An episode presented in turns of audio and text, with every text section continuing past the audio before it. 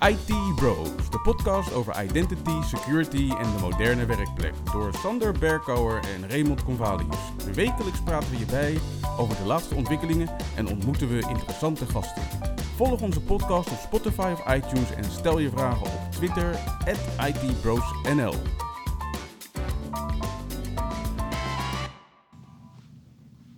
Ik ben Raymond Convalius. En mijn naam is Sander Berkhouwer. Welkom bij aflevering 42 van seizoen 2 van de IT Bros podcast. 42, the answer to life, the universe and everything. Met in deze aflevering speciaal met Amerikaanse accent, omdat Raymond en ik allebei in Seattle zijn voor Microsoft Ignite. Het meest recente nieuws, waaronder natuurlijk ook aankondigingen uit Microsoft Ignite, aankomende evenementen en een nieuwe productiviteitstip.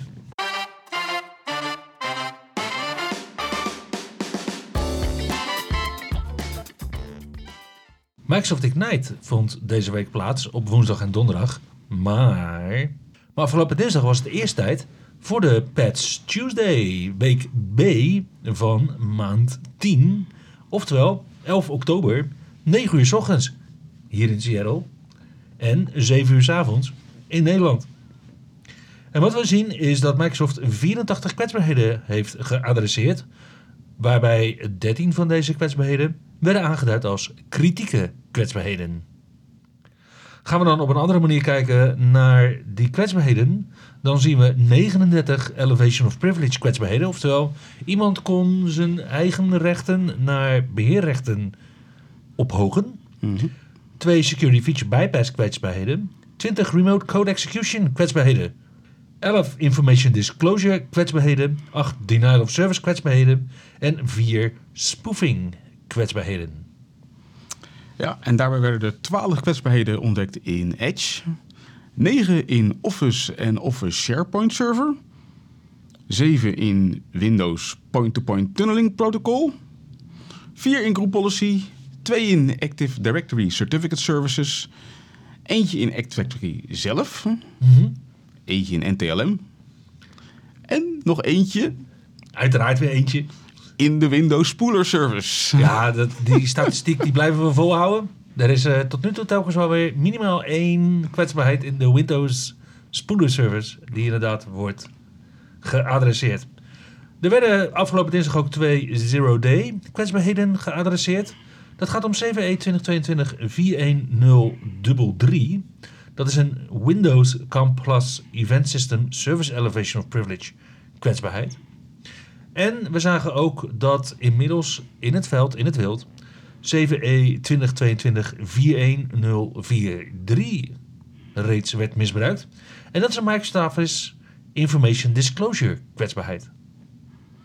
Ja, daarbij werden er ook nog kwetsbaarheden. eh, nou ja, die waren er al ontdekt in eh, Exchange de afgelopen weken. Daar hebben we natuurlijk nogal wat gedoe over gehad. En die zijn nog niet geadresseerd. Nee, het blijft gedoe.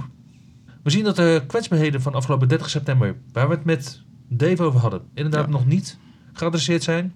Maar als silver lining zien we wel dat de kwetsbaarheden die in augustus bekend werden, inmiddels wel in Exchange Server 2013, 2016 en 2019 zijn eh, geadresseerd. Daar hoeven Exchange beheerders zich in ieder geval geen zorgen meer om te maken. Maar goed, eh, zijn er al bekende problemen met deze patchronde? Nou, we hadden het er vorige keer over dat we zien dat op Windows Server 2019 dat daar TLS 1.0 en TLS 1.1 in de Microsoft browsers wordt uitgeschakeld. Dus dan hebben we het over Internet Explorer en over Microsoft Edge, maar ook zeg maar, de DLL's waarmee je ook kunt, kunt browsen, of in ieder geval browse functionaliteit aan applicaties kan worden toegevoegd. Ja. We zien dat daar TLS 1.0 en 1.1 worden uitgeschakeld. En dat blijkt niet alleen voor Windows Server 2019, maar ook voor Windows 10 LTSC 2019, gebaseerd op Windows 1809, werden uitgeschakeld. Dat betekent dat als je een applicatie hebt die nog geen TLS 1.2 ondersteunt, dat je daarop een foutmelding krijgt. Hm. Ja, ja. En dat kan heel naar zijn op het moment dat je bijvoorbeeld een VPN-client hebt, waarbij je mag aanmelden in een mooie web pop-up, die dan zegt, ja, sorry, maar dit is een achterhaald versleutelingsmechanisme wat hier wordt gebruikt. Dat doen we niet meer, vriend.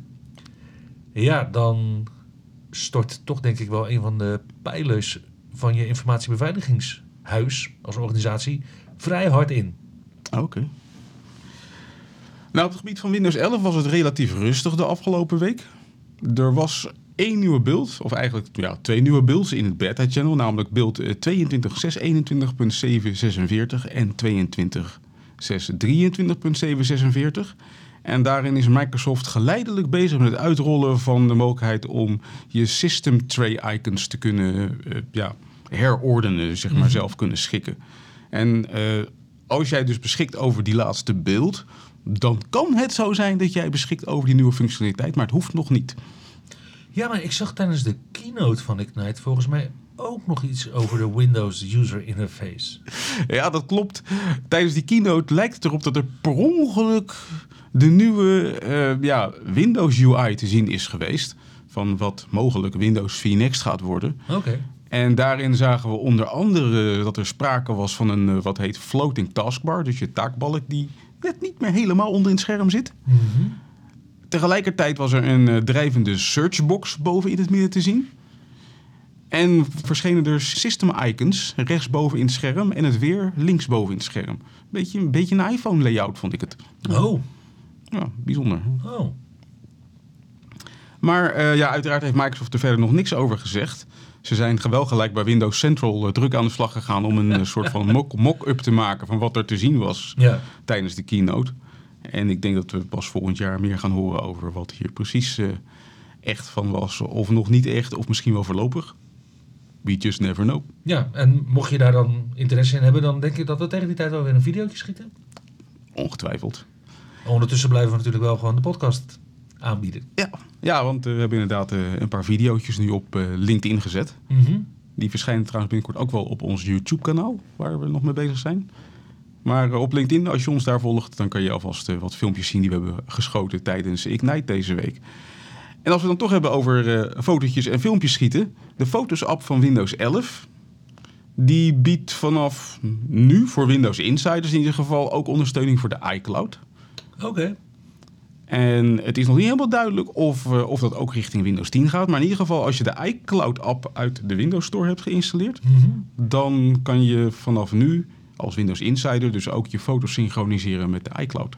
En ik hoor je zeggen Windows 11. Komt dit er dan ook voor Windows 10 misschien? Dat is nog niet helemaal duidelijk. Oh, Maar eh, het lijkt erop, tenminste, wat het, het gevoel van iedereen is dat die Fotos-app in Windows 11 toch wel duidelijk een andere Fotos-app is dan die van Windows 10. Dus het zou zomaar kunnen dat in Windows 10 die functionaliteit nooit helemaal gaat komen. nou oké. Nou, misschien moet ik dan toch maar upgraden naar Windows 11 op mijn eh, daily driver. Yes. Ja, dan hadden we het net over beveiligingsupdates.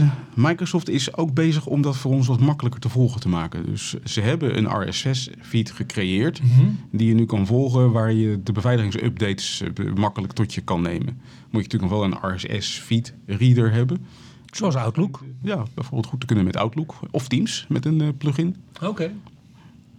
Dus, Ja, de- en iedereen die zei van ja, RSS dat gebruiken we niet meer. Ja, stiekem. Hmm, Ja, ja. Blijvertje. Wat ook terug bleef komen, dat was eh, de naam eh, Office als werknaam. Mhm. Maar Microsoft heeft nu aangekondigd dat er toch echt een eind aan gaat komen. In ieder geval, wat ze gaan doen, is dat ze het- komende jaar Office als merknaam schijnen te uitfaseren. En dat Mhm. dat dan dus wordt vervangen door Microsoft 365. Oh, maar dat biedt wel mogelijkheden. In de zin van. Ja, ik heb nu nog bij een aantal klanten bijvoorbeeld een Office 365 subscription. Een E3 bijvoorbeeld. En ja, ik vind het altijd maar bij helpen, want je hebt dan bijvoorbeeld geen Azure AD Premium functionaliteit. Precies. Dus bepaalde dingen kunnen we ne- net niet doen bij zo'n organisatie, bij zo'n klant. Maar als dat allemaal naar Microsoft 365 gaat, dan kunnen we daar natuurlijk wel weer hele leuke dingen mee doen. En blijft het zo mooi geïntegreerd. Ik hoop het wel. Ik hoop het van harte. Al vind ik dat de berichtgeving van Microsoft nog een beetje tegenstrijdig is. Want ze zeggen voor de mensen die nu Office abonnementen hebben, verandert er helemaal niks. Oh, Dus misschien dat er nog een soort van tussensmaak komt van Microsoft 365, waar dan alleen de Office-applicaties in zitten of zo. maar die is dan niet mainstream als licentie. Ik denk Dus het een soort- zoiets. Een soort achterhaalde licentie voor een, een legacy office 365 in, in je portal. Ja, don't, don't get me started. ja, en dat betekent natuurlijk ook dat er misschien ook wel veranderingen komen bij bijvoorbeeld Office 2021 LTSC. Wie weet. Terwijl ik gelezen heb dat Microsoft daar eigenlijk vanaf gaat blijven. Van die Office smaak. Die je als eenmalige aankoop kunt doen. Dus dat blijft in ieder geval wel Office. Dus de vraag is een beetje van... Ja, hoe ver durft Microsoft met deze stap te gaan? Ja, ja, ik denk dat ze Office dan misschien nog een beetje blijven hanteren als een soort van legacy merknaam. Zo old school retro. Doe jij nog aan Office? Ja, ja doe jij nog aan Intune? Ja, ja, ja precies. Dat is ook zo'n mooi nieuwtje van deze week. Hè. We, hadden eerst, we hadden eerst Intune, toen hadden we Endpoint Manager en nu hebben we weer Intune. Ja, Maar goed, daar hebben we overigens nu niet heel veel nieuws over in deze podcast. Al hebben jullie hopelijk dat nieuws ook wel meegekregen. Dus dat de Endpoint Manager producten nu verder gaan onder de familienaam Intune. En dat was een van de belangrijke nieuwtjes van de Ignite-conferentie van deze week. zeker. Ja, do more with less product names. Inderdaad. En eh, in dat hele verhaal hebben ze onder andere ook weer wat nieuws aangekondigd wat betreft Outlook. Want Outlook wordt eh, ja, meer toepasbaar voor het hybride werken. Dus je kan vanaf binnenkort ook je werktijden beter aangeven in je agenda. Zodat mensen weten wanneer ze je wel en niet kunnen Ja, inplannen je kunt een nu natuurlijk in Outlook alleen zeggen van eh, tussen die en die datum. En dan geldt het gewoon voor alle vijf dagen. En wat we natuurlijk heel veel mensen zien doen, in, is in hun Outlook handtekening dan aangeven welke dagen ze wel en welke dagen ze niet werken. Precies. Nou, ja, wat betreft die Outlook handtekening was er ook nieuws. Ah, Want die gaan ze nu dus eh, synchroniseren via de cloud. eindelijk. Finally. Prettig nieuws wat betreft Outlook. Zeker. En verder zijn ze nog bezig om wat andere nieuwe dingetjes toe te voegen. Zo krijgt eh, de, eh, ja, noem je dat? De Outlook Client app. Die krijgt nu ook ondersteuning voor eh, message reactions. Dan kan je duimpjes geven aan mailtjes.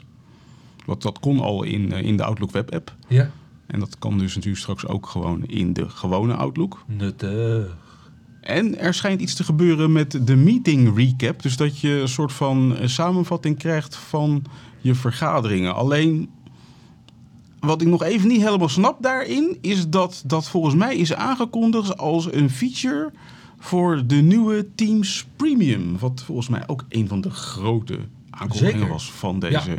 Ja, Conferentie. premium was een duidelijk buzzword, deze Microsoft Ignite.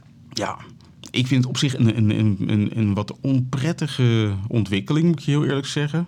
Want je had dus zeg maar nu E3 en E5 licenties, waarbij eigenlijk heel duidelijk was van nou, als je een E5 licentie hebt, dan heb je alles wat er is. Dat is de granddaddy van de licensing. Ja, Precies. En nu krijg je eigenlijk een E5 Plus en dat is dan de premium. Dus dan krijg je zo'n puis er bovenop waar dan weer wat extra functionaliteit in wordt aangeboden. En daarin beginnen ze nu met Teams, waarbij ze zeggen van nou, Teams Premium, dan krijg, kan je, moet je dus wel eerst die add-ons queue aan, aanschaffen. Die kan je trouwens vanaf februari volgend jaar krijgen. En dan krijg je onder andere dingen als eh, custom meeting branding. Je krijgt eh, advanced meeting protection. Dus dan kan je end-to-end encryptie aanzetten voor meetings. Dat soort, dingen, dat soort dingen. En bepalen eh, dat een meeting een bepaald niveau meekrijgt qua beveiliging. Zodat het voor je archivering meteen zeg maar, goed wordt ingesteld. Maar ook bijvoorbeeld die intelligent recap, waar ik het net over had voor eh, Outlook. Dus dat je een samenvatting krijgt van je meeting. Dat Ja. wordt onderdeel van Teams Premium. ja, ja, dus Teams Premium die bouwt die Intelligent Recap. En Mhm. daarin vind je dan inderdaad eh, de taakverdeling van de afspraken die je maakt onder andere. Maar ook ehm, chapters, zoals wij ze ook bieden in onze podcast. Zodat je makkelijk kunt skippen naar het volgende deel. Niet nu hè, maar kan. Eh, van je Teams meeting. En natuurlijk de eh, gepersonaliseerde timeline markers, mocht je die willen gebruiken. En een eh, transcript search. Dus door alle gesproken tekst, waarschijnlijk in eerste instantie alle Engelse gesproken tekst natuurlijk, kun je dan ook zoeken. Ja. Maar ik denk dat je die functionaliteit in Outlook als mailtje bijvoorbeeld kunt krijgen. Dus in Outlook zal die informatie dan voorgeschoteld worden. Mhm. Terwijl Teams eh, en het achterliggende platform die informatie verstrekken. Ah, Oké. Ik denk een, een duidelijk 1 2 Ja. Maar goed, dat Teams Premium krijgt dus wel een aantal hele leuke dingen. Want je hebt het altijd net al over de, de captions van je vergaderingen. Dus dat Mhm. de, de vergadering eigenlijk voor je wordt uitgeschreven. En dan krijgt dus Teams Premium daarin ook nog de optie om, dat, om daar live translation op los te laten. Dus meteen de live vertaling van de vergadering die er gaande is. En Ja. dat kan ook wel weer voordelen hebben. Want ik heb bijvoorbeeld ik heb ooit gewerkt bij een Japans bedrijf. En als dan de Japanners hun deel van de vergadering in het Japans doen, dan zou ik dus gewoon in het Engels die bespreking gewoon kunnen volgen. Ja, bijvoorbeeld. Mooie ontwikkeling. En daarmee hebben we nog niet alles gehad, want ook met Teams Premium krijgen we dus eh, de mogelijkheid om geavanceerde eh, afspraken te maken in Teams. Dus dan kan je bijvoorbeeld een custom waiting room inrichten, dus een wachtkamer met specifieke eigenschappen, met waarschijnlijk een achtergrondmuziekje en dat soort dingetjes. Maar je kan ook sms-reminders laten versturen door Teams als je bijvoorbeeld privéafspraken hebt met mensen die dreigen hun afspraak te missen. En er komen allerlei geavanceerde webinar-functionaliteiten voor Teams. Nou, daar, daarmee was eigenlijk voor Teams nog niet eens alles gezegd, want het is niet alleen Teams Premium wat er is gekomen. Eh, Microsoft heeft ook verteld dat Cisco, de Cisco meeting rooms, binnenkort gewoon Teams Room Certified gaan worden. Nou, dat is volgens mij echt wel een major step Ja, in de dat- goede richting. Ja, dat brengt die twee ecosystemen heel dicht bij elkaar. Ja. En voor de gewone gebruikers van Teams was er ook nog leuk nieuws. Want ze gaan daar iets doen. Dat heette de Mesh Avatars. Mhm. En dat zijn dus eh, ja, avatars die je kan ontwikkelen of eh, kan maken voor Teams voor jezelf. Zodat je, wanneer je niet in beeld wil komen, toch een afbeelding van jezelf kan laten zien... die ook kan, eens een keer kan reageren op dingen die er gebeuren in de meeting. Dus Ja. best wel heel geinige technologie. Ik ben benieuwd hoe dat gaat uitpakken. Ja, en de mogelijkheid die ik alleen nog zie is dat als ik inderdaad tijdens een meeting, omdat ik soms wel gewoon van 8 uur s ochtends tot 6 uur s avonds in alleen maar meeting zit, dat ik dan toch even snel even wat te eten of te drinken tot me kan nemen. En dan dat mijn avatar voor mij dan eventjes inderdaad eh, de boel waarneemt eh, terwijl ik eh, mijn bakkers aan het volstoppen ben. En dat die dan voor mij inderdaad toch, eh, meestal is dat dan, moet ik toegeven, verbaasd kan reageren. Ja, ik zie het een beetje meer als een soort van eh, metaverse. Ja. Eh, in Teams wat, wat langzaam aan zijn intrede begint te doen. Dat je, je je virtuele persoonlijkheid even kan laten optreden namens jou in de meeting. Nou, verder zitten er, er komen er andere nieuwe functionaliteiten aan, zoals Excel Live. Dus dat je samen in een Excel spreadsheet kan werken zonder zelfs dat je eigen zelf Excel hebt opgestart op je PC. Collaborative annotations, ook heel erg leuk. Dus dat je samen naar een document zit te kijken in Teams en dat je daarin kan gaan zitten scribbelen, aantekeningen zitten maken, pijltjes tekenen, et cetera. Zodat je samen daar een leuk eh, ja, stuk feedback in kan geven. Cameo in PowerPoint Live, dat is ook een leuke. Dan kan je dus bepalen hoe jij jezelf in beeld wil laten verschijnen tijdens een Teams-presentatie. Ja. En dan kan je zelf bijvoorbeeld voor de presentatie neerzetten. Eh, Dat is leuke dingen mee doen. En Together Mode krijgt ook een update. Together Mode is dat je bijvoorbeeld jezelf en je collega's met elkaar in een collegezaal neer kan zetten. Mhm. En, en vanaf nu kan je dus ook eh, bepalen wie waar gaat zitten in die collegezaal. Oké. En je krijgt een aantal nieuwe setups als mogelijkheden voor die collegezalen. Dus het wordt allemaal weer net eventjes wat beter, wat leuker, wat beter eh, aanpasbaar. En verder is eh, de polls voor Teams, dat is nu GA. Dus je kan nu eh, ja, enquêtes organiseren in Teams. En dat is gewoon standaard functionaliteit geworden. Cool. Als ik je zo hoor, dan zien we heel veel artificial intelligence Mhm. functionaliteiten in Teams en SharePoint komen. Ik zag ook een demo tijdens Microsoft Ignite over het kunnen selecteren van bestanden in een SharePoint document library. Waarbij je dan kan aangeven, nou, ik wil dat al deze documenten vertaald worden naar een andere taal. Mhm. Dat soort functionaliteit zien we nu steeds meer. En dat dat premium functionaliteit is, daar kan ik ook nog wel inkomen. Ja.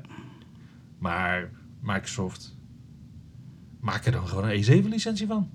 Zou ik ook zeggen. Maar goed, vooralsnog is het dus eh, ja, Teams Premium waar we het mee moeten doen. Ja.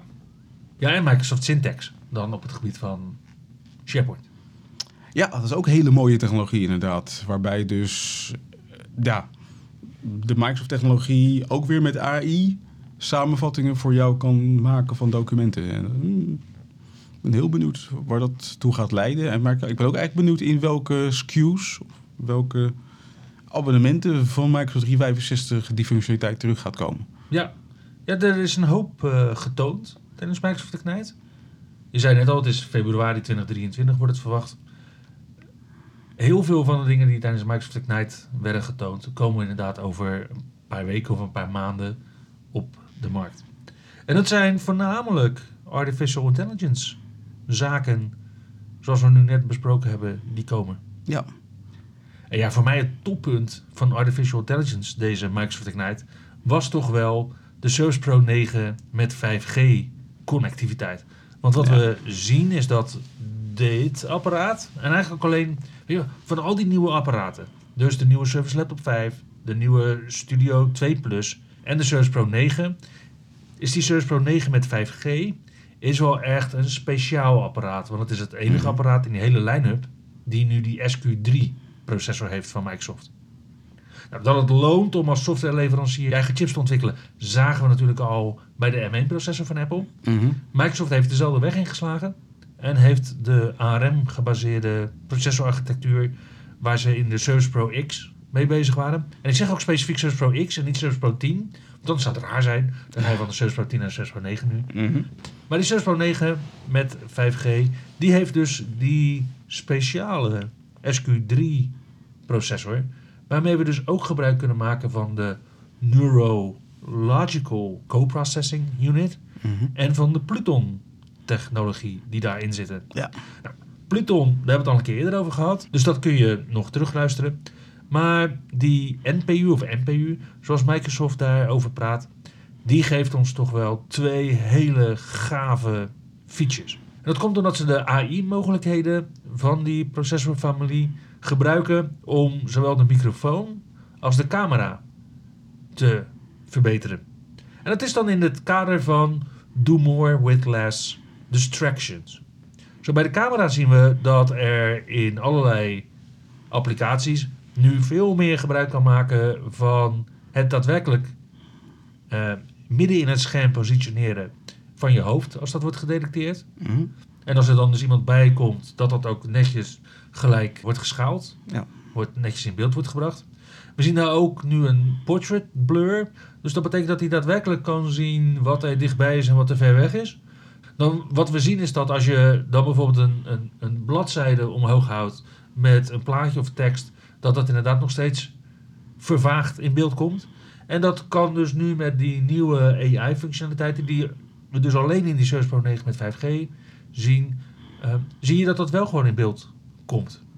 En qua microfoon waren we op Microsoft Ignite onderdeel van een geweldige demo, waarbij iemand naast een persoon met die Surface Pro 9 met 5G gitaar stond te spelen. En dat werd compleet weggefilterd. Vervolgens werden we als publiek gevraagd om eh, heel hard eh, te klappen en te stompen en te doen. En ook dat werd met voice focus, heet die feature dan, weggefilterd. Tja. Ja, wat dat betreft hadden we, hadden we toch wel een mooie week. Sowieso vond ik dat ze op Ignite dit jaar eh, de servicelijn een hele prominente plek hebben meegegeven. Zeker. Zodra je binnenkwam, kwam je eigenlijk terecht in de demoruimte van de servicelijn. ja, uiteraard. Het was natuurlijk ook het tienjarig feestje van Surface. Ja. En eh, ja, zag er weer veelbelovend uit. En dan niet eens alleen qua Surface hardware. Want we hebben natuurlijk de Surface Laptop 5 gezien en de Surface Pro 9 Mhm. in zijn Intel en zijn ARM versie. En daarnaast was er nog de Surface Studio 2 Plus. Mhm. Een, eh, ja, de opvolger eigenlijk van de Surface Studio zoals we die nu kennen met ja, iets betere hardware. Want hij was inmiddels alweer vier jaar oud, dus Ja, hard toe aan nieuwe hardware. Wel nog steeds met hetzelfde hele stevige prijskaartje overigens.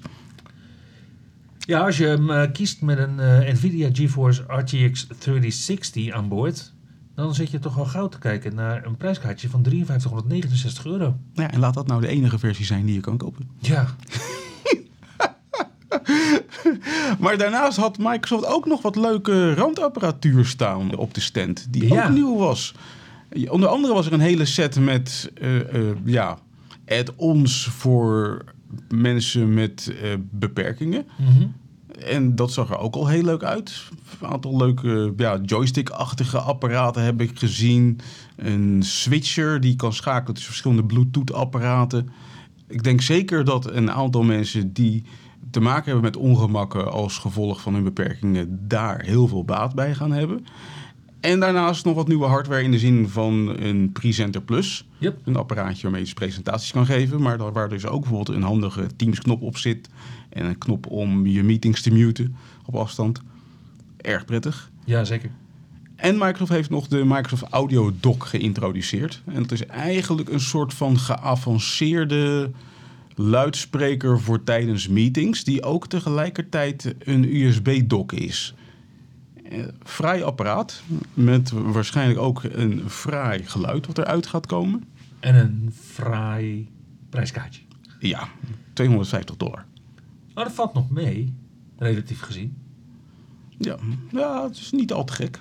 Nee, want een normale Surface Dock eh, kost natuurlijk ook wel rond die prijs. Ja, En in dit geval heb je er inderdaad een mooie luidspreker. Die er ook uitziet als een luidspreker voor terug. Inderdaad. Nou, wij gaan vanmiddag nog even naar de campus en wellicht gaan we nog even onszelf uitleven in de Microsoft Store om nog even wat leuke nieuwe gadgets te kopen. Maar eh, het was wel een stukje inspiratie, eh, de nieuwe hardware van Microsoft. Ja, we voelen ons weer helemaal blauw geverfd. Na deze week. Inderdaad. nou ja, buiten Microsoft was er ook nog wel nieuws, want de security-wereld stond toch aardig op zijn kop deze week over een kwetsbaarheid die is ontdekt in de hardware van Fortinet. Namelijk met CVE 2022-40684. In de FortiGate firewalls en de FortiProxy webproxies is er namelijk een gigantisch gat ontdekt. Waarbij het gaat om een authentication bypass richting de administrative interface. Waarbij je dus in staat bent, wanneer je gebruik maakt van die bypass, om zonder authenticatie alle instellingen van die apparaten te kunnen wijzigen. Te kunnen wijzigen. Niet Ja. alleen te kunnen lezen, maar ook te kunnen wijzigen. Kunnen wijzigen. Oké, wat kunnen beheerders doen om van dit lek af te komen? Nou, FortiGate heeft al een aantal updates uitgebracht voor FortiOS en de FortiProxies. Die moet je upgraden oftewel naar versie 7.0.7 of 7.2.2. En als je nog niet kan upgraden, wordt er eh, toch wel zeer aangeraden om alle remote access mogelijkheden richting die administrative interface dicht te zetten. Inmiddels blijken deze gaten al actief te worden aangevallen en is er ook een proof of concept beschikbaar van hoe dit lek misbruikt kan worden. Dus oftewel, als je een FortiGate Firewall of FortiGate Proxy Web Proxy hebt, update hem dan met gezwinde spoed. Inderdaad.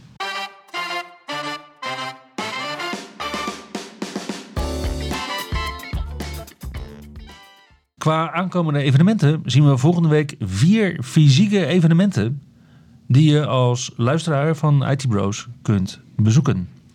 Het begint op dinsdag 18 oktober om 6 uur 's avonds bij de Dutch Information Worker User Group, de DIWUG, die een evenement organiseren met Automated Self-Service User Management met Stefan Strube van Structon Rail en mede-MVP.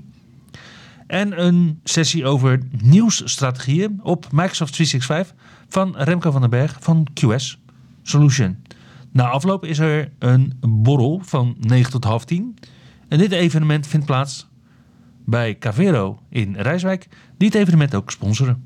Op woensdag 19 oktober organiseren de Workplace Ninjas een recap van de Ignite-conferentie van de afgelopen week. Vanaf half vier 's middags word je dan verwacht bij Pink Elephant in Naarden, waar eerst uiteraard eh, de recap gaat plaatsvinden. Er daarna tijd is voor snacks en networking. En vervolgens er nog een eh, sessie is van Oktay Sari over Pop the Password. En uiteindelijk sluiten we af met een wrap-up en drinks. Eveneens op woensdag 19 oktober organiseert OGD de eerste OGD Sync in het nieuwe kantoor van OGD in Utrecht. Daar is ruimte voor maximaal 40 bezoekers, dus wees er snel bij. En als je daarheen gaat, dan kun je genieten van drie sessies. Die worden geïntroduceerd door Rick van Berenonk, de huidige CTO bij OGD. Daarna een sessie over PS Conf EU en het beste van PowerShell met Jelle de Graaf. Van 8 tot half 9 geeft mede-MVP Barbara Forbes aan hoe je geweldige techsessies neerzet. En daarna presenteert Leo Visser een half uur hoe je Visual Studio Code Development onderweg kunt gebruiken. Op donderdag 20 oktober is het dan weer tijd voor MC to MC in de burgerij in Antwerpen. Daar worden de deelnemers vanaf 6 uur s avonds verwacht om eerst even gezellig welkom te worden geheten met wat eten. Waarna er een aantal presentaties volgen van eh, Frank van Hamel, The Use of Artificial Intelligence in a Real World Business Scenario, Driving Positive Impact on Planet Sustainability. Gevolgd door Peter Daalmans met Intune Tips and Tricks. Na een pauze gaat de avond verder met Wout Vergouwen van Scapman, die The New Way of Managing Apps with MEM gaat presenteren. En de avond wordt afgesloten met een presentatie van Thijs Locomte, Notes from the Field, Microsoft Sentinel in Real Life. Uiteindelijk kunnen we van 10 tot 11 nog even genieten van wat drankjes tijdens de live social with beer and wine. En mocht je je nu afvragen van... Hé, maar Peter Daalmans die presenteert wel vaker over de Intune tips en tricks. Dit is de 2022 editie van die sessie. Met weer een hele hoop nieuwe tips en tricks. En we raden deze van harte aan als IT-bros.